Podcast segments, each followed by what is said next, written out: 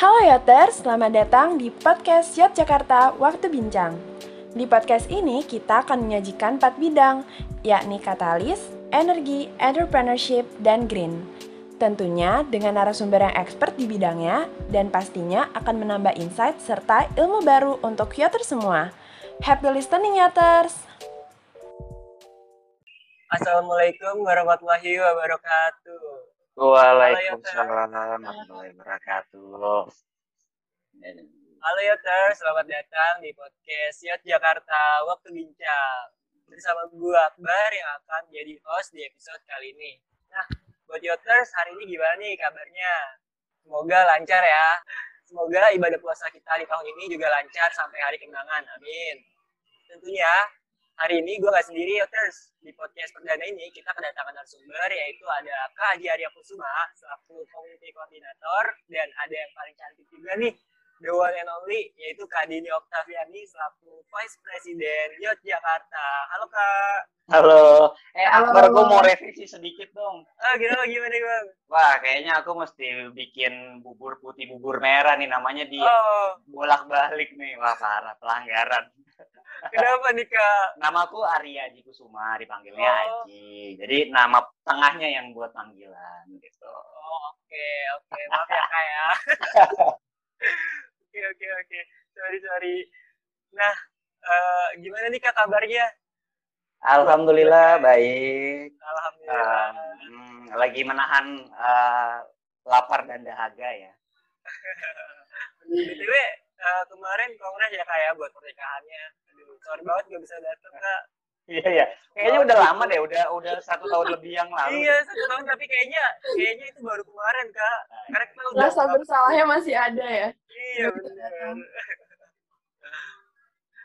buat kak Dini gimana nih kabarnya kak? Aduh kita juga udah lama gak ketemu. Alhamdulillah baik-baik. Akbar apa kabar? Aku baik juga dong pastinya. Akbar lagi di mana, Bar? Kayaknya lagi di luar, Bar. Wah iya kak, aku lagi di kafe sih. Oh, Biasalah, nggak puasa, tetap nggak puasa, puasa. nggak puasa atau gimana? Puasa dong tetap alhamdulillah. Ah, tadi azan zuhur buka apa enggak? Enggak dong. Oh, enggak. Oke. Mungkin azan asar kali ya. Azan maghrib dong kak Haji. Oke. Nah, eh, buat Yoters nih pasti udah tahu dong mengenai yang on top itu apa. Awalnya yaitu sebuah buku yang ditulis oleh Pak Billy Gun dan diterbitkan di pada bulan April 2009. Kemudian yang on top sendiri eh, berkembang menjadi sebuah perusahaan dan komite organisasi di 24 kota di tanah air serta memiliki moto learn and share. Nah, biar Yoters makin tahu di podcast di podcast perdana ini kita akan membahas apa itu yacht. Jadi langsung aja kita udah ada dua narasumber yaitu ada Kak Haji dan Kak Dini. Nah untuk pertama eh, aku mau nanya dong ke Kak Haji gimana sih histori awal terbentuknya yacht itu Kak? Biar Oh. podcast ini tahu nih. Oke, oke, oke, oke. Eh, mohon izin mungkin untuk Pak Billy Bun yang mungkin nggak ada di sini atau mendengarkan ya, izin menjelaskan. Karena yang mungkin sebenarnya yang harus menjelaskan soal terbentuknya yang on top itu eh, Pak Billy Bun sendiri kali ya. Cuman aku mencoba untuk menjelaskan eh, apa namanya menjelaskan sebaik mungkin semoga nggak ada miskomunikasi. Jadi eh, yang on top itu benar tadi kata Akbar berawal dari sebuah buku tahun 2009 tanggal eh, 6 April. Itu dari sebuah buku terus eh, buku tersebut itu Pak Billy publish gitu kan. Terus eh, dia namanya buku pasti di belakangnya kan ada email ya misalkan billybun@gmail.com lah. Eh, katakanlah seperti itu. Nah dari email tersebut ada seorang anak Medan eh, yang meng-email nih Pak Billy. Eh, kalau nggak salah eh, kalau masih ingat ya kalau nggak salah kalau salah boleh eh, komen di bawah. Boleh. Podcast gitu nggak sih? Komen di bawah. Nah eh, isi emailnya adalah eh, kata anak Medan itu eh, terima kasih Pak Billy karena eh, buku yang Pak Billy tulis eh, saya eh, tahu apa yang harus saya lakukan sebelumnya saya nggak punya biaya untuk kuliah lagi untuk eh, pendidikan lanjutan lagi di situ dunia saya runtuh rasanya. Tapi setelah baca buku dari Pak Billy, saya tahu harus melakukan apa. Nah, dari situ uh, Pak Billy itu tergerak nih bahwa ternyata dari sebuah buku tuh bisa membuat impact ya dan ternyata emailnya itu nggak cuma berhenti dari anak Medan aja banyak juga dari kota-kota yang uh, apa namanya nggak cuma Medan tersebar di Indonesia. Makanya di tahun 2012 terbentuklah nih ya kota pertama lah ya kota Yogyakarta. Terus disusul uh, disusul Malang dan juga Semarang gitu. Oke. Okay. um, by the way nih Kak Haji uh, kenapa sih Kak Haji tertarik digabung di Young on Top sendiri kan sekarang Kak juga udah jadi koordinator nih Kak kalau okay. aku sendiri uh, dulu uh, kenapa sih aku tertarik di gabung Yot itu karena hmm. emang menurut aku sih Yot itu uh, keren banget sih waktu itu okay. awal itu aku dikenalin sama temen aku dulu hmm. uh, dan di situ aku ikut eventnya sekali dan di situ wah kayaknya ini bakal buat uh, knowledge gue tambah nih terus mm-hmm. bakal bikin skill gue naik juga kayak gitu dan ini bakal mm. jadi experience buat gue kayak gitu nah, kalau mm. Haji gimana? Uh, berarti kalau Akbar tuh emang karena pengen masuk uh, yang on top ya khususnya yang on top Jakarta ya? Yes, that's right. Oke, okay, nah kalau aku beda nih. kalau aku beda dulu uh, uh, sedikit cerita. Jadi dulu itu aku kuliahnya broadcasting ya kan? Kuliahnya broadcasting terus sempat uh, dinyatakan tidak lulus. Akhirnya nggak uh, ke mana-mana tuh. Mau nyari kerja pun susah mau apa namanya lanjut kuliah lagi pun harus nunggu satu tahun karena kan dinyatakan tidak lulus. Jadi akhirnya waktu itu sempat tuh nganggur satu tahun. Nah dari nganggur itu aku kenal yang namanya Sonia. Sonia itu dulu anak dia Tangerang. Nah dari dari dia kan uh, apa temenan tuh di Instagram ya kan? Sering ngeliatin storynya wah uh, apa namanya sering ngumpul sama anak-anak di Tangerang segala macem. Nah aku tanya tuh ke dia uh, Son itu apaan sih uh, yang untuk uh, itu komunitas Ji. Oh gitu. Wah gue lagi gabut nih gitu kan. Boleh dong gue join ke sana gitu. Biarin deh jauh-jauh juga gue dari Bekasi ke Tangerang terus uh, Sonia bilang ngapain sih jauh-jauh ke Tangerang orang di Bekasi juga ada gitu. Dan kebetulan lagi open recruitment ya udah tuh akhirnya uh, ikut opreknya. Waktu itu lagi kan biasanya kalau open recruitment tuh ada pembukaan ya. Misalkan dari tanggal 1 sampai tanggal 10 Maret lah katakanlah. Iya, nah aku tuh nah aku tuh apply uh, di tanggal 10-nya di malam hari. Nah itu kalau misalkan ada ilmu HRD itu udah pasti nggak bakal diterima. Udah hari terakhir malam bukan jam kerja lah ya kan. Ya udah uh, apa namanya uh, uh, apa namanya ya udah noting tulus saja apply. Cobain lah apaan sih itu komunitas gitu kan. Eh nggak disangka uh, apa namanya uh, dikontak tuh buat ngumpul buat uh, gabung buat nongkrong nongkrong waktu itu inget banget uh, waktu itu inget banget bulan puasa tahun 2017 atau 2016 lupa. Nah itu tak uh, puasa puasa nih kayak uh, kayak sekarang bayangin aja siang-siang disuruh ngumpul. Dulu ada yang namanya tempat di Lo Bekasi jadi kayak semacam ruko gitu coworking space. Nah kita ngumpul di situ. Mungkin kalau sekarang ya, yang ngontop kota di 24 tiap kota gitu uh, khususnya di Jakarta udah rame nih. Pengurusnya udah banyak udah puluhan belasan. Dulu kita tuh cuman paling banyak 11 orang apa. Jadi pas datang tuh kayak ini kita ngumpul-ngumpul apa sih? Gitu. Jadi kalau misalkan Akbar dulu alas eh kalau Akbar alasannya tadi katanya keren, pengen masuk, dikenal sama teman. Nah, kalau aku enggak, alasannya satu karena gabut, nganggur gitu. Itu awal ceritanya tuh kayak gitu. Tapi dari uh, alasan gabut, nganggur itu sekarang jadi uh, membuahkan hasil ya. Nah, gabut-gabut itu. Iya, alhamdulillahnya jadi dari dari yang gabut itu terus bener, uh, terus uh, ini ini masuk uh, mungkin sedikit kisi kisi-kisi lah.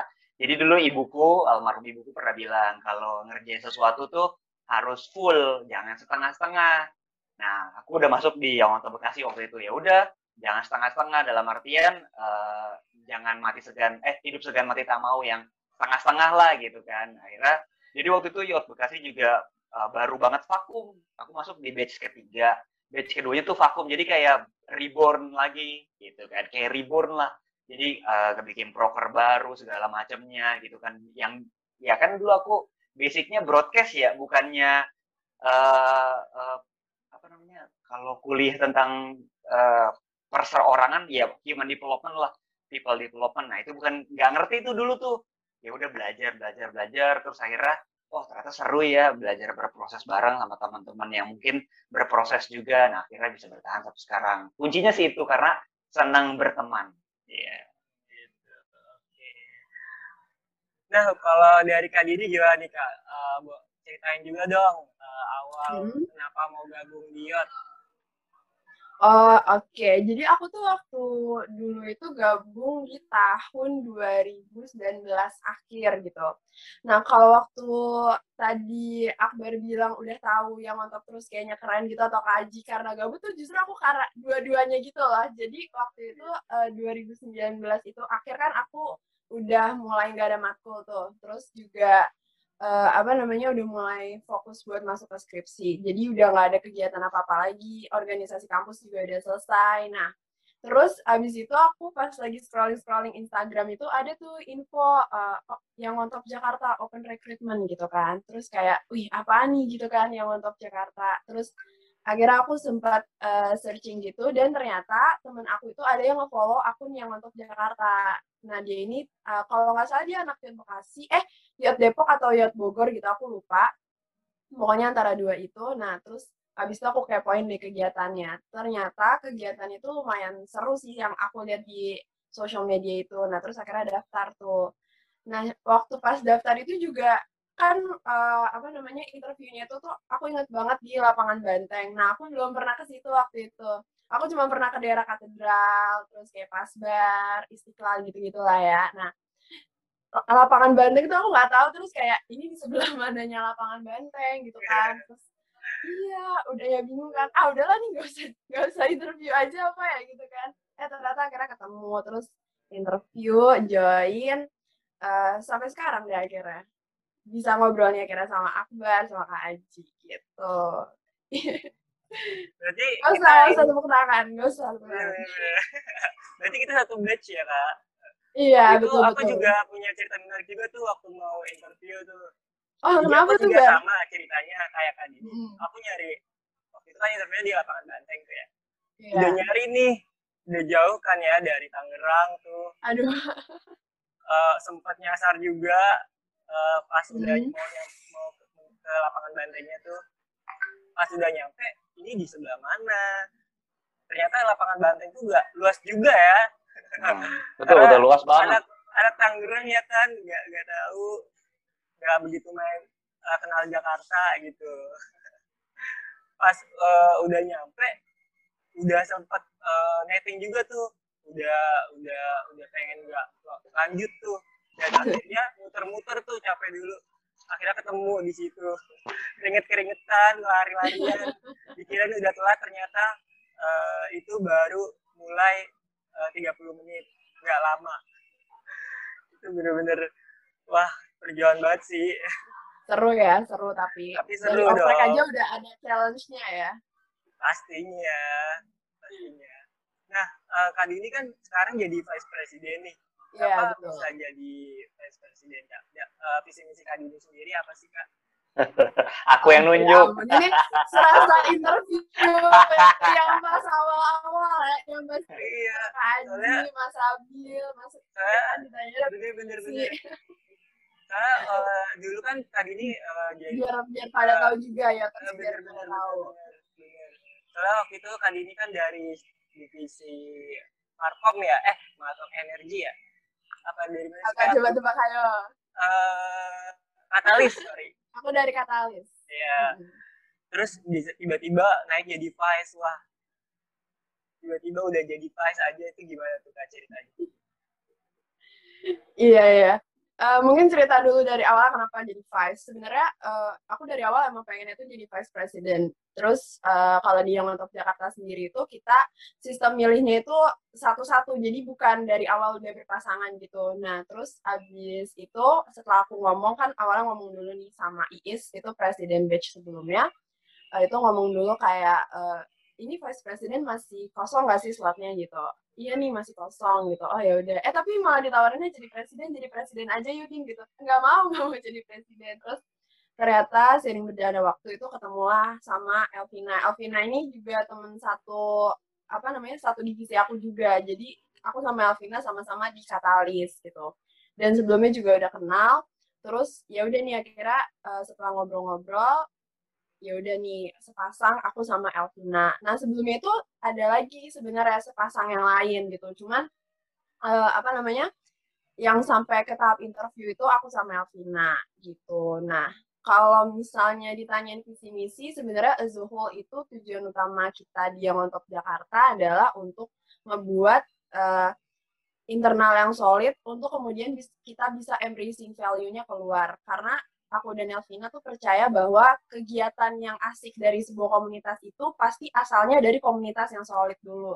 Nah, makanya kegiatan kita itu kebanyakan bukan semuanya tapi kebanyakan itu fokusnya ke kegiatan internal gitu. Terus kita juga berkaca dari yang batch sebelumnya kalau uh, kegiatan internal itu ternyata fungsinya penting gitu. Makanya mungkin teman-teman juga kan aktor juga ini anak PGA gitu. Terus juga teman-teman dari Katalis uh, tahu juga kalau kita itu ada beberapa program kayak misalnya ada online, terus juga mungkin ada sesi-sesi kayak misalnya rapat uh, MM, terus juga selain rapat MM juga ada rapat lagi gitu yang uh, fokus ngobras gitu kan, ngobrol asik gitu. Jadi uh, fungsinya sih kayak gitu supaya kita bisa kalau internalnya solid, embracing value keluarnya juga dapat gitu. Oke oke. Iya. Yeah ah kaji nih aku mau balik ke kaji uh, oke okay. Hmm. apa sih kak bedanya yang on top dengan organisasi lain biar teman Yoters nih tahu nih karena uh, pendengar kita ya. kan Yoters sejati dong pasti oke okay. Uh, bedanya apa ya? Mungkin nggak pedes, karetnya dua kali ya. Duduk dong. Bedanya adalah uh, kita pertama uh, uh, punya value, value yang dibawa. Kita punya moto, motonya land and share. Kita juga punya visi, visinya to create stronger next generation Indonesia. Jadi kayak kita pengen nih ngebangun uh, next generasi Indonesia tuh lebih kuat gitu karena uh, yakin banget mungkin teman-teman di sini kayak Akbar, Dini, mungkin di tahun 2045 atau 2050 bisa jadi menteri, wah kan nggak ada yang tahu. Nah mungkin salah satunya adalah kita pengen uh, apa? Kita pengen berproses, kita pengen belajar bareng-bareng uh, menjadi mm-hmm. problem solver yang baik. Kita pengen menjadi critical thinking yang baik gitu kan. Kita pengen semua uh, aware lah, aware dengan masing-masing uh, individu, masing-masing temennya memperhatikan hal-hal yang kecil ya bisa dilihat juga di buku kunci uh, sukses 40 kunci sukses update-nya Pak Billy Bun juga seperti itu. Itu satu. Terus kedua, di komunitas yang ngontop itu kita membawa uh, lima pilar. Lima pilar nih menurut aku udah me meliputi secara keseluruhan ya. Pertama dari pilar pendidikan, ada pilar kesehatan, ada pilar lingkungan, ada pilar uh, sosial, ada pilar entrepreneur. Itu cukup lengkap gitu. Jadi teman-teman bisa agile atau beradaptasi lah dengan beberapa pilar yang ada. Jadi kalau misalkan teman-teman uh, Yogyakarta pengen bikin sesuatu yang berhubungan dengan ngajar mengajar, nah, berarti kan masuk tuh ke pilar pendidikan, ya silakan mangga dibuat kegiatan yang uh, ngajar mengajar tersebut yang selaras dengan bidang pendidikan. Misalkan uh, teman-teman Yogyakarta, karena Jakarta udah sumpah banget uh, rasanya gedung-gedung udah kayak hutan. Uh, setiap eh, 5 meter sekali ada gedung tinggi, ada gedung tinggi. Pengen banget ngebikin tentang yang namanya vertical garden. Nah, berarti kan masuk ke dalam pilar lingkungan. Jadi uh, yang ngebedain itu dengan organisasi lain atau komunitas lain adalah value-nya banyak, pilarnya banyak. Bisa masuk dengan segala lini, bisa bermedia partner, bisa berkolaborasi dengan banyak hal kayak gitu. Jadi nggak cuman uh, satu satu value aja satu nilai aja atau satu konsentrasi aja. Itu sih bang nah tadi uh, kak Haji sempat singgung nih mengenai learn and share. Hmm. goalsnya sendiri apa sih kak? Biar gini. tahu. Learn and share itu sebenarnya simpel. Sebenarnya dari kata terima kasih. Misalkan contoh kecilnya Akbar. Akbar punya sepotong roti nih eh, dua potong roti nih terus uh, di tengah jalan Akbar uh, ngasih ke pengemis misalkan satu roti itu. Pasti pengemis itu bilang terima kasih kan? Nah dari kata terima kasih itu uh, roti tersebut diambil sama pengemis. Pasti pengemisnya juga ngasih ke anaknya misalkan. Si anaknya bilang terima kasih. Jadi uh, learn and share itu sebenarnya saduran dari kata terima kasih. Apa yang kita terima kita kasih. Apa yang kita terima kita kasih. Nah apa yang kita pelajarin kita share apa yang kita pelajarin kita share. Semakin banyak kita share semakin banyak juga kita belajar. Misalnya kita belajar tentang uh, perkalian. Terus kita share nih ke teman-teman. Misalkan perkalian tuh ternyata gini. Nah ketika uh, kalian udah nge-share berarti kan ada sesuatu yang dibagikan. Kalau misalkan uh, kita nggak menambah ilmu kita ya itu itu lagi kan. Otomatis kita menambahkan kita learn yang baru kita belajar yang baru. Kita belajar pembagian misalkan kita belajar uh, penambahan atau pengurangan terus kita bagikan lagi jadi uh, itulah arti dari learn and share itu sebenarnya hampir sama dengan terima kasih gitu. Oke, okay.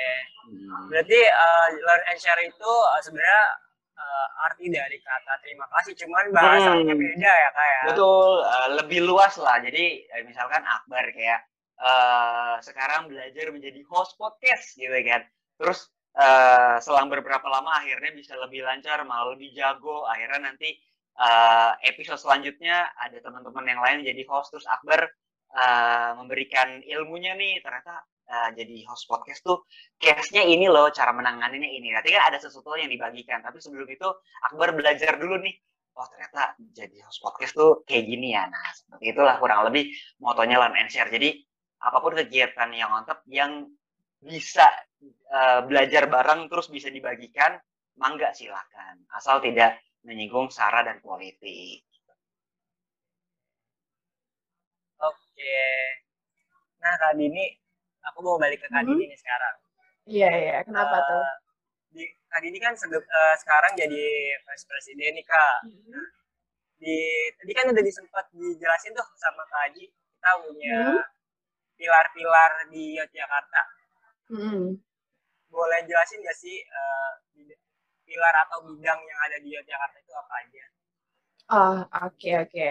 Nah, jadi kalau tadi Kak Aji udah sempat singgung kan ada energi, eh, apa namanya, ada lingkungan, ada yang fokusnya ke bidang kesehatan dan lain sebagainya. Nah, di yang top Jakarta itu bidang-bidang ini tuh dinaungi dalam bentuk divisi. Mungkin teman-teman yang ikut organisasi juga udah familiar dengan istilah divisi kan. Nah, kalau di tadi disebutin bidang-bidangnya secara umum ada yang ngebahas isu lingkungan dan sebagainya. Nah itu ada nama-nama divisinya gitu kalau di yang mantap Jakarta. Jadi yang pertama itu ada divisi katalis itu menaungi bidang pendidikan. Nah di dalam itu termasuk juga uh, soal isu-isu self development, terus juga pendidikan karir uh, untuk jenjang karir dan sebagainya. Terus juga ada divisi energi itu yang fokus untuk uh, menaungi kegiatan bidang kesehatan termasuk di dalamnya juga ada kesehatan fisik, terus juga mungkin kalau sekarang lagi in ada juga tentang isu kesehatan mental gitu, termasuk di dalamnya juga pembahasan soal mental illness dan penanganannya dan sebagainya gitu. Terus juga ada uh, green itu yang menaungi bidang lingkungan. Nah, jadi kalau tadi sempat disinggung kayak gimana ya kalau kita misalnya bahas soal vertical garden. Nah, itu nanti kegiatannya dinaunginya sama divisi green gitu. Terus juga ada uh, apalagi ya tadi tuh udah ada energi, udah ada green uh, entrepreneur. Jadi entrepreneurship itu bidang kewirausahaan itu dinaunginya sama divisi entre. Jadi kayak kalau misalnya mau uh, belajar uh, build up UMKM atau mungkin kalau sekarang lagi zamannya investasi kali ya, nah itu tuh dinaungin sama bidang entre gitu. Terus apa lagi ya? Tadi udah ada katalis, udah green, energi, entre, apa lagi? Ada nggak nih Pak yang kurang? Kesehatan. Ah iya kesehatan. Pinter banget. Aku tuh sebenarnya mau ngetes akbar loh kan. Oh iya oke oke. Oke, Rela udah jawab duluan. Iya, nah kalau kesehatan itu sama divisi energi. Jadi eh tadi udah dong kalau kesehatan sama energi mah. Ayo, Sosial yang belum. Ada yang kurang? Ayo, ayo. Sosial yang belum. Katalis, katalis. Udah, katalis udah. Ada nggak yang kurang? Yang kurang jadi kayak itu games ya. Sosial, eh, yang berhasil dapat tumbler dari Yos. dapat tumbler iya sama ada ke kegiatan sosial juga gitu nah uh, apa namanya kayak yang tadi sudah udah sempat disinggung juga sama Kaji jadi tuh yang ngontok tuh bukan cuma menaungi satu bidang tertentu aja gitu termasuk di komunitasnya juga. Komunitas yang untuk Jakarta tuh nggak menaungi satu bidang aja tapi uh, juga menaungi beberapa bidang itu tadi. Makanya kalau misalnya masuk ke yang untuk Jakarta itu kesempatan untuk bisa bikin kegiatan yang beragam dan asik serta bermanfaat itu makin gede gitu. Itu sih serunya yang untuk Jakarta gitu. Ini dia sesi gamesnya sudah berakhir ya. Itu sih Bar. Thank you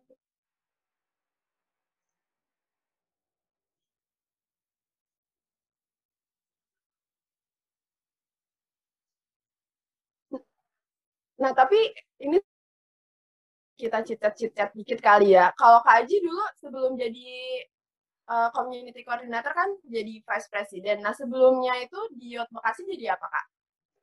Aku jadi yang disuruh-suruh aja. enggak, enggak, enggak, enggak. Jadi jadi dulu uh, gini, dulu itu nah ini penting nih mungkin buat ini sebagai uh, vice president uh, dan juga presiden sama Elvina kali ya. Jadi dulu tuh aku pas pertama kali masuk itu uh, milihnya program. Oh. Milihnya program. Dulu aku mencanangkan kegiatan uh, kegiatan lingkungan uh, bersih-bersih atau apa gitu di Bantar Gebang. Cuman hmm. uh, waktu itu uh, waktu itu presiden batch 2 yang ngebuat dia Bekasi jadi vakum dia ngelihat potensi, dia ngelihat potensi aku di Markom karena dulu uh, pas di CV tuh aku cantumin beberapa uh, kebiasaan aku yaitu uh, videografi sama fotografi. Jadi wow. uh, aku nggak dimasukin ke program tapi masukin di Markom. Nah di Markom itu uh, aku ngebuat perubahan lah, alhamdulillah. Jadi dulu Yot Bekasi itu followersnya masih 300 kalau nggak salah, itu dikit banget. Udah beberapa, udah tiga batch masih 300 kan ibaratnya masih sedikit ya. Terus yeah, yeah. cuman repost repost doang nih, repost repost uh, uh, postingannya Yot Mata Pusat gitu kan. Nah dari situ kita, uh, eh, kita pengen nih ngebuat uh, semacam bentuk dokumentasi setiap acara tapi nggak hmm. cuman uh, dokumentasi acaranya berbentuk foto tapi berbentuk video juga karena itu mungkin bisa dijadikan uh, proposal ya proposal yang nantinya hmm. Uh, buat kolaborasi. Misalkan aku uh, ngevideoin share Ramadan misalkan. Videoin ya sebisa aku lah dulu. Nggak bagus-bagus banget. Ya sinematik sinematik banget kayak hmm. anak-anak zaman sekarang yang udah diedit pakai uh, apa namanya Premiere, Lightroom atau Asba sebagai macamnya lah. Uh, gitu kan. Tapi uh, visioner tuh kita, kita pengen uh, nextnya di batch keempat, lima, enam, tujuh kita tuh udah bisa bergi, uh, bergerak, kita tuh udah bisa dipercaya sama komunitas-komunitas yang ada di Bekasi gitu. Karena uh, kalau misalkan kita ngebawa nama Bekasi waktu itu, mungkin orang-orang nggak akan tahu kayak ini apa nih, ini komunitas apa nih? Gitu kan. Di Bekasi itu udah banyak banget sebenarnya komunitas yang udah berdiri yang hmm. udah uh, established yang udah sering ngumpul bareng gitu. Bekasi itu masih ya cemen banget gitu. Cuman uh, dari situ aku pengen jadi markom itu jadi garda terdepan. Jadi pengen semua dokumentasi taruh aja semuanya. Diedit dulu sih uh, pakai cover pakai bingkai. Misalkan dokumentasi Yosef Ramadan Yosef Natal love donation waktu itu terus ada videonya gitu. Jadi aku dulu di Markom. Hmm, anak Markom lah anak desain banget nih. Nah kalau Akbar gimana Bar PGA uh, eh, seru nggak? aduh seru banget. Uh, emang uh, sejujurnya PGA itu emang divisi yang dari dulu uh, gue pengenin banget. Karena emang uh, itu uh, apa sih masih sambung ya masih nyambung sama uh, konsentrasi yang saat ini uh, gue jalanin di kampus di SDM jadi uh, waktu itu waktu awal uh, oprek itu gue gue nggak bisa masuk PGE tuh. Jadi terima terpaksa gue jadi ke energi dan akhirnya setelah gue setahun berprogres gue pindah ke PGE dan di PGE seru banget sih. Dan di situ gue bisa ngimplementasiin apa ilmu yang dari gue dapat dari kuliah dan gue uh, dari apa ya Jakarta sendiri. Jadi gue collab. Banget sih. Mantap mantap mantap uh, kaji untuk uh, kan kaji udah apa sih uh, sekarang jadi uh, community koordinator nih kak. Ada nggak sih kak kendala atau kesulitan yang sering dihadapin kak terutama nih untuk Yogyakarta sendiri nih kak. Yogyakarta ya berarti konsernya aku komunikasi sama Dini sama El ya. Mumpung ada orangnya ya oh, kendalanya kawan Dini banget. Ya evaluasi sekarang ya. Kendalanya mungkin komunikasi kali ya. Uh, kesibukan. Pertama mungkin dari L dia uh, semester akhir ya kalau nggak salah ya Din ya? Iya ya? betul betul. L semester nah, akhir. semester akhir. Mungkin itu yang jadi kendala komunikasi di grup. Nah kita punya grup bertiga nih. Aku Dini sama L. Dini juga sekarang kerja ya Din ya freelance sih nah freelance ya. tuh jadi sebenarnya bentuk komunikasinya uh, yang susah itu karena mungkin perbedaan waktu, waktu dan kesibukan. Tapi so far uh, sampai dengan sekarang, alhamdulillah lancar sih dalam artian walaupun misalkan nggak fast respon, tapi uh, tahu apa yang aku maksudkan. Misalkan aku taruh aja informasi di grup itu, ntar mungkin dibacanya uh, bisa sore ataupun malam, mungkin langsung disalurkan uh, ke teman-teman di Jakarta gitu. Kelemahannya itu aja komunikasi sih sebenarnya. Tapi so far selama aku tahu kesibukannya mereka berdua gitu El sama Dini uh, gak khawatir akunya oh uh, sibuk ternyata Dininya lagi freelance nih. Oh Dininya eh L-nya lagi sibuk skripsian misalkan. Jadi uh, yang penting adalah komunikasi emang komunikasi itu sulit banget sih kayak pasti selalu jadi permasalahan di setiap komunitas tentang Betul. Uh, setiap orang itu pasti selalu itu kuncinya komunikasi. Betul. Makanya ada kan kuliah jurusan ilmu komunikasi. Nah, mungkin banyak di luar sana mengunderestimate apaan tuh kuliah ilmu komunikasi. Ngomong aja ada pelajarannya enggak kayak gitu. Jadi uh, komunikasi itu adalah uh, ilmu dasar, ilmu dasar kita bersosialisasi sama orang, gimana caranya kita memahami, kita mendengarkan, kita berbicara juga gitu. Jadi uh, komunikasi pasti selalu ada yang tadi Akbar bilang selalu ada suatu permasalahan. Tapi uh, itu wajar lah kalau komunikasi uh, ada suatu permasalahan. Mungkin Dini atau Akbar punya pacar masing-masing gitu kan. Sering berantem Akbar sih Akbar nah, sih kalau kalau banyak Dini kalau kalau sering berantem malah wajar karena mencocokkan dua insan kan itu sesuatu yang sulit ya. Gimana ya Jakarta uh, sekarang mungkin ada 20-an uh, pengurus atau anggota gitu kan gimana cara mencocokkan 20 kepala ya itu agak susah. Tapi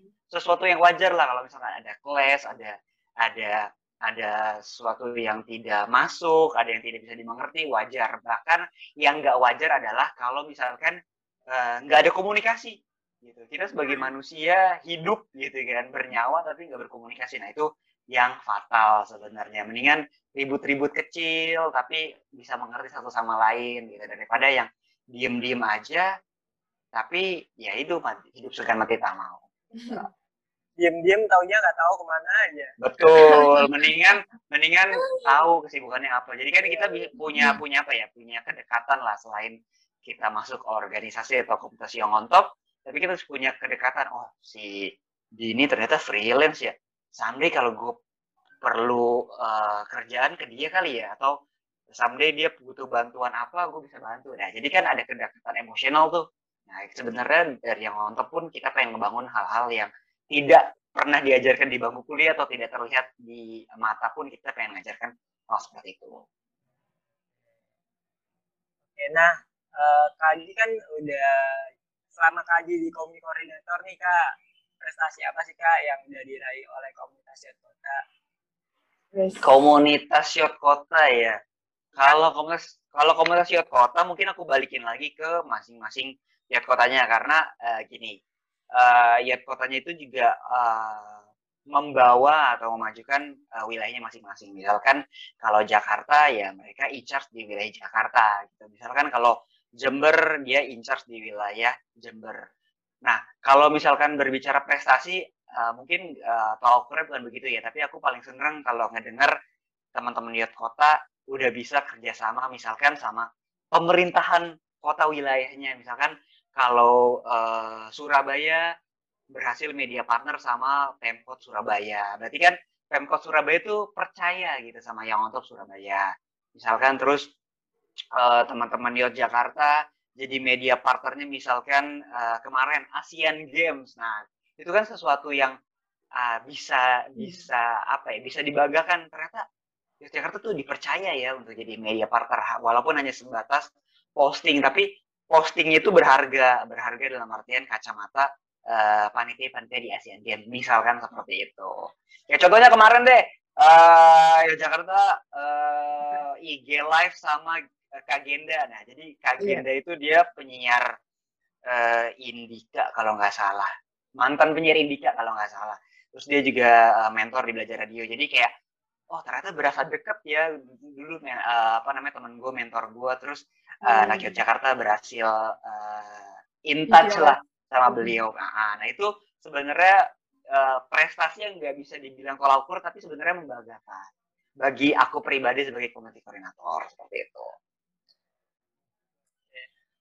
terus kak uh, fokus yang dicapai yang mantap sendiri apa sih planning buat ke depannya nih dalam mengembangkan komunikasi uh, kan Kak juga selaku koordinator juga nih. Hmm. Simpelnya adalah aku pengen teman-teman setelah graduate dari Yamato Kota uh, bisa apa ya? Bisa membanggakan apa yang pernah eh, ia kerjakan dahulu gitu kan. Jangan jangan uh, menyalahgunakan apa yang pernah ia kerjakan, yang ia lakukan, yang ia jabat dulu. Gitu. Karena itu jelek banget. Terus uh, yang kedua adalah aku pengen banget teman-teman uh, yang ngotot kota juga aware nih terhadap kotanya. Biasanya misalkan contoh gini dari aku pribadi deh. Aku tinggal di Bekasi, tapi aku lebih sering in charge misalkan di Jakarta. Jadi lebih banyak kontribusinya sama Jakarta, kerja di Jakarta, bergaul di Jakarta. Nah, di kotaku sendiri nih uh, kurang nih. Nah, sebenarnya yang ngotot kota juga punya tujuan itu. Kita pengen memajukan wilayahnya dengan uh, pemuda dan pemudi di wilayah tersebut juga. Terus uh, tujuannya adalah yaitu ngebentuk uh, generasi yang lebih kuat dalam artian agile nggak nggak gampang nyerah nggak gampang uh, berburuk sangka nggak nggak bukan pemuda yang berpikir pendek tapi berpikir jangka panjang gitu karena uh, kita bisa lihat lah bonus demografi kalau Akbar sama Dini pernah ngelihat yeah. uh, sensus penduduk uh, kemarin udah dirilis kan kita milenial yeah. banget kan kita dapat bonus demografi gitu kan generasi milenial X Y Z gitu yang mungkin nantinya 10 20 30 tahun ke depan itu akan menjadi hmm. orang pemimpin-pemimpin Indonesia. Nah, kita pengen kebentuk uh, ibaratnya kalau bayi itu embrionya dulu. Jadi ketika sudah lahir menjadi sesuatu hmm. yang bernilai. Nah, kita pengen di situ. Emang bukan sesuatu yang mudah sih, tapi uh, itulah yang kita lakukan. Nah, kalau dari uh, Kak Dini sendiri gimana Kak uh, selaku Vice President di Jakarta? Buat ini ngembangin anak-anak muda Jakarta gitu. Betul. Hmm. Nah, kalau di yang untuk Jakarta sendiri karena ini apa namanya kita kan tadi udah sempat ceritakan kalau menaungi beberapa bidang gitu. Nah, kita nggak cuma menaungi uh, apa namanya bidang-bidang lagi dalam divisi for internal tapi juga ada kegiatan-kegiatan eksternalnya gitu nah makanya kayak tadi salah satunya misalnya ada IG live bareng nah di IG live itu bukan cuma ngobrol-ngobrol doang tapi kita sambil uh, sharing juga soal isu-isu public speaking. Terus juga kalau di yang untuk Jakarta itu kita sering ngeliat atau nanya-nanya juga nih ke teman-teman yang untuk Jakarta sendiri, kalian tuh sebenarnya selama ini ada problem apa sih supaya uh, itu bisa jadi ide kita bikin acara atau kegiatan. Dan kegiatannya itu pun nggak cuman yang kalau sekarang kan uh, berbasisnya online ya. Uh, jadinya bentuknya mungkin webinar. Tapi kalau yang jadi sama yang untuk Jakarta tuh bukan cuma webinar yang kok kalian dengerin gitu. Nah, uh, kalau di yang untuk Jakarta sendiri ke, uh, kebetulan kita juga ada latest collaboration sama manusia dan pikir nah itu kita bikin uh, kegiatan yang emang online tapi itu bentuknya bukan cuma webinar tapi ada FGD-nya gitu. Jadi kita mengusahakan di yang untuk Jakarta itu walaupun saat ini lagi pandemi dan semuanya serba online tapi tetap kegiatannya tuh bisa beragam kalian juga bisa dapat experience yang menyenangkan dan juga sekaligus kalian bisa dapetin uh, value apa nih yang emang pengen kita share ke teman-teman. Karena kalau kita ngomongin sharing value mungkin kedengarannya berat kali ya. Kayak aduh ini uh, apa namanya mau mau nge-share. Misalnya kalau kita mau sharing kayak tadi bisa cerita ada roti terus kita mau kasih ke orang. Roti kan tangible ya. Nah tapi kalau value itu kan nggak nggak tangible nggak kelihatan gitu. Cuman bisa dirasain. Nah makanya kalau di yang untuk Jakarta sendiri setiap kita bikin kegiatan yaitu kita fokusnya di value kemudian uh, gimana cara supaya value itu kita kemas jadi menarik jadi experience nya dapat nah makanya kegiatan-kegiatan online yang kita bikin itu juga uh, apa namanya diusahain seru gitu. Loh nggak cuma kayak tok dengerin webinar doang kayak bosen banget gak sih kalau kayak gitu ceritanya wah gitu. Bener-bener banget bener banget sih. Setuju.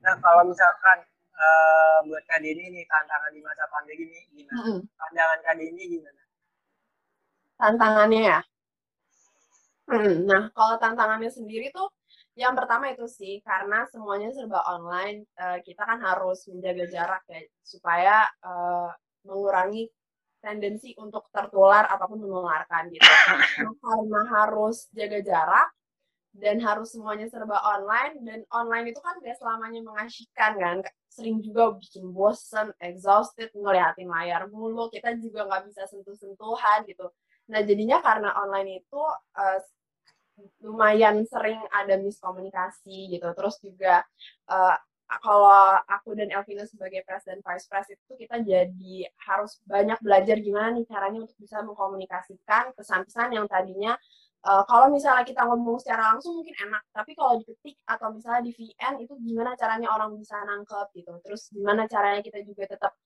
um, apa namanya tetap tahu gitu perkembangan anak-anak walaupun kita nggak ketemu secara langsung. Terus juga tantangannya sih mungkin lebih kepada kebosanan orang-orang juga ya pada webinar karena uh, kayak Akbar atau mungkin teman-teman yang lain yang juga kuliah nih, Yoters yang masih kuliah atau yang kerja juga yang WFH kita tuh udah boring banget sama Zoom meeting, sama Google Meet gitu.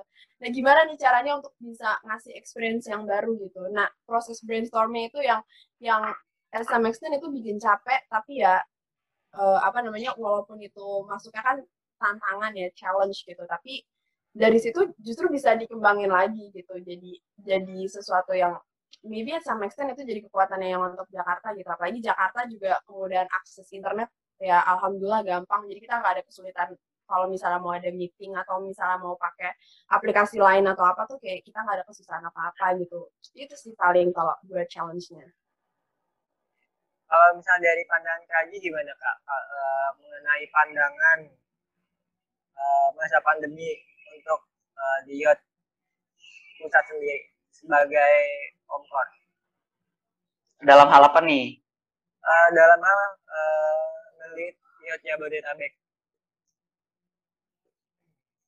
Hmm, pertama mungkin sama kali yang dibilangin sama Dini gitu kan. Mungkin kita sudah mulai bosen gitu. Cuman kayaknya nggak cuman kita doang nih yang ngerasain semua satu Indonesia kayaknya ngerasain deh bosennya.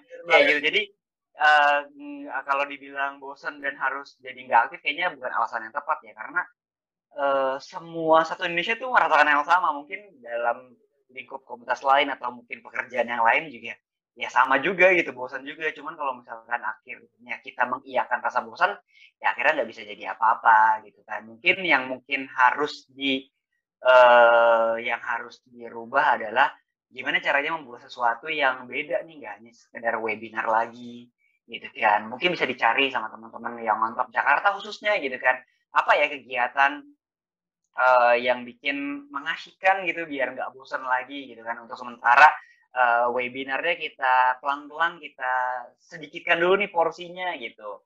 Nah itu kan proses pembelajaran ya, jadi kita bisa melihat dari eh, sumber-sumber uh, yang lain misalkan wah di komunitas lain bikin kegiatannya kayak gini nih bisa nggak ya diterapin. Nah itu kan proses uh, meniru terus kita terapin kan, uh, jadi bisa kita implementasikan juga.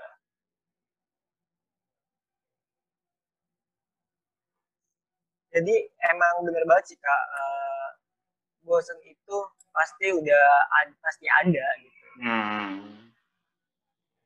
Nah, ya kayak contohnya gini deh, uh, dulu kita sekolah gitu kan, ah bosan yeah. berangkat pagi, pulang siang, kadang kalau ada tambahan les atau kelas bilingual gitu kan, yeah, berangkat yeah. pagi pulang sore gitu kan. Cuman kalau misalkan kita mengiyakan rasa bosan, ya kita nggak akan lulus kan. Ya, gitu. Ah, bener banget, bener banget karena uh, apa yang kita ucapkan itu nanti uh, dia bakal nyerap ke otak ya nggak sih kak? Betul. Intinya, hmm, intinya aku percaya sama proses sih. Proses tuh uh, bisa dikatakan hampir segalanya. Jadi kalau misalnya prosesnya baik, pasti akhirnya juga baik gitu. Pasti ada ada ada ada pintu akhir lah nantinya tuh seperti apa. Kayak misalkan kamu masuk ke jalan tol di pintu Bekasi gitu kan. Kamu telusurin aja jalan tol itu bentuknya di mana sih pasti ada ujungnya kan kayak gitu kalau misalkan kamu mengiyakan rasa bosan ya kamu pasti kalau nggak bakal berhenti di jalan kamu bakal putar balik kan nggak akan sampai ke mana-mana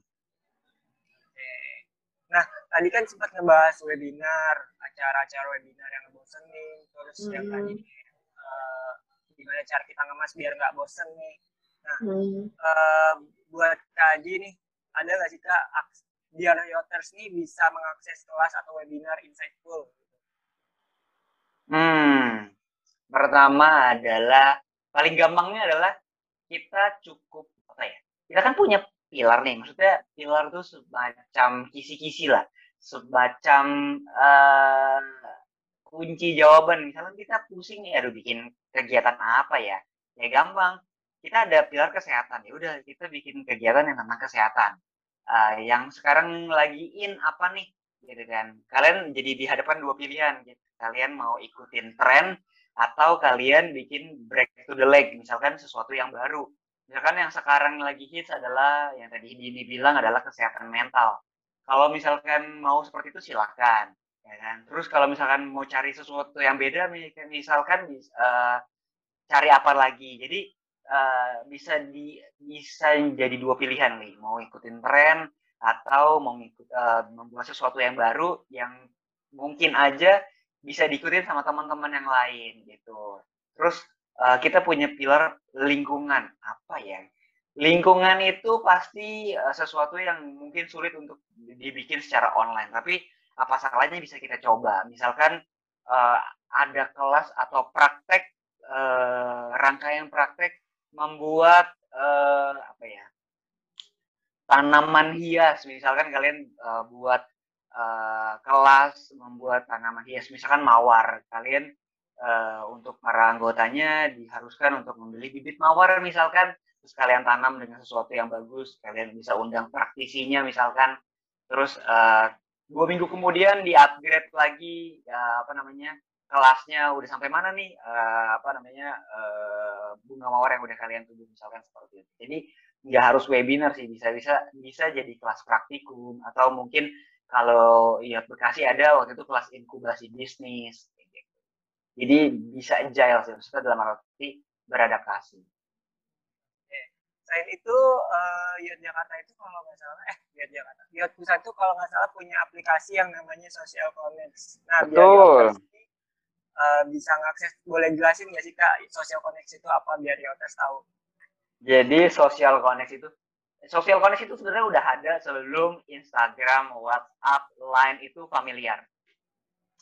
Uh, jadi dulu waktu zamannya masih WhatsApp awal-awal, Line awal-awal tuh teman-teman di kota uh, dulu itu uh, meminta nih ke Pak Billy, ke community coordinator yang dulu pengen ngebuat suatu platform yang isinya adalah teman-teman yang untuk kota. Akhirnya dibuatlah Social Connect tadinya yang di dalamnya nggak hanya uh, bersinergi berkolaborasi bareng tapi bisa nanya langsung nih sama mentor-mentor dari yang on top jadi social connect adalah basicnya aplikasi sekarang. Jadi buat teman-teman bisa download di Play Store. Keywordnya sosial sosial connect pakai X connect C O N N E X T disambung social connect nah di situ kalian bisa dapetin beragam macam. Nah sekarang sudah mulai uh, bertambah nih nggak cuma yang otot kota ada kurang lebih 120 komunitas yang sudah dikumpulkan sama uh, partnership uh, akuisisinya Social Connect seperti itu. Terus di dalamnya juga kita bisa nanya sama mentor-mentor uh, yang on top. Ada games juga, ada trivia setiap uh, hari jam 5 sore yang nantinya kalau berhasil dapat poin, poinnya bisa ditukarkan merchandise-nya yang on top dan juga Social Connect. Lalu ada podcast juga. Nah, misalkan nih podcast ini nih bisa juga nanti materinya eh, apa namanya dimasukkan ke aplikasi Social Connect terus bisa didengar sama teman-teman komunitas lain. Oke, last question nih. Sebelum kita tutup podcast kita hari ini, eh, kira-kira dari 40 nilai yang ada di buku Pak Billy, apa Hmm. sih eh, yang bisa di-highlight nih? Ini boleh Kak Dini dulu atau Kak Haji dulu nih yang jawab. Oke, Kak Dini dulu kali ya. Kak Dini dulu kali ya. Point of view-nya itu apa Ya sih biar ampun, ya ampun. Tahu gitu. Bisa diterapkan mungkin. Oke, oke, oke. Nah, kalau apa namanya yang ada di buku kuning itu kan sebenarnya semuanya itu adalah poin-poin yang aplikatif gitu kan. Karena itu nge-state secara langsung bentuk eh, kegiatannya itu seperti apa kan. Misalnya be on time, tepat waktu gitu kan. Nah, tapi aku paling suka itu yang paling aku ingat adalah soal APUR, Automatic Progress Update Report.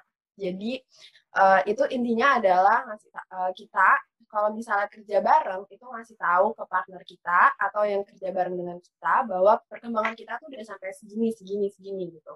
Walaupun itu misalnya perkembangannya mundur atau ada yang nggak berjalan dengan baik atau perkembangannya berjalan dengan baik atau kayak gimana itu tuh semuanya dikabarin ke partner kita supaya eh, bisa tahu kita tuh ngapain sih gitu. Kita ngapain aja. Nah menurut aku ini tuh pas aku baca itu tuh menarik banget karena kalau kita itu kan biasanya misalnya kerja bareng nih di satu tim. Proses laporannya itu biasanya kan kalau ditanya, ya kan? Dan ketika nunggu ditanya dulu itu pasti kan jadinya lebih lama gitu loh progresnya. Kayak misalnya harusnya sekarang udah nyampe ke titik apa karena nungguin ditanya ya akhirnya belum sampai ke situ gitu. Nah, sedangkan si Apur ini adalah sistem yang ngasih tahu kita bahwa ada loh kalau misalnya lo kerja bareng sama orang nih, nggak usah nungguin ditanya dulu untuk bisa ngasih tahu report, tapi kasih tahu aja langsung perkembangannya ada sampai sini, perkembangan ada sampai sini gitu. Dan itu akhirnya mendukung banget untuk bisa uh, kita nyampe di titik atau di tujuan yang kita mau lebih cepat dan juga lebih minim miskom gitu. Apalagi kalau sekarang kayak mau diterapin sekarang ini yang lagi pandemi dan semuanya serba online, menurut aku jadi lebih aplikatif karena uh, kita kan kalau misalnya serba online ya jadi nunggu-nunggu tuh aduh nettingnya luar biasa gitu kan. Nah tapi dengan adanya kalau misalnya kita terapin apur ini jadi kita nggak perlu khawatir kayak oh nih nggak usah nggak usah ditanya nggak usah nunggu-nunggu nggak usah khawatir lagi ntar juga nanti bakalan dikasih tahu kayak gitu. Dan ini aplikatif buat buat apa namanya buat semua lini gitu. Maksudnya bukan cuma kehidupan berkomunitas aja tapi kalau misalnya lagi kerja atau mungkin yang kuliah buat kerja kelompok ngerjain tugas bareng gitu nah ini tetap aplikatif itu sih yang aku suka gitu nah kalau buat kaji nih sebagai yoter sejati apa nih poin yang mana nih kalau buat Eh, di buku kuning juga banyak banget ada ada 40 dan eh, udah akhirnya udah baca. Nah, Dini sama Akbar udah baca belum full dari awal sampai akhir. udah dong Nah, lu kalau jadi sebelum masuk yang mantap suruh baca kan nah, Kalau aku baru Jadi-.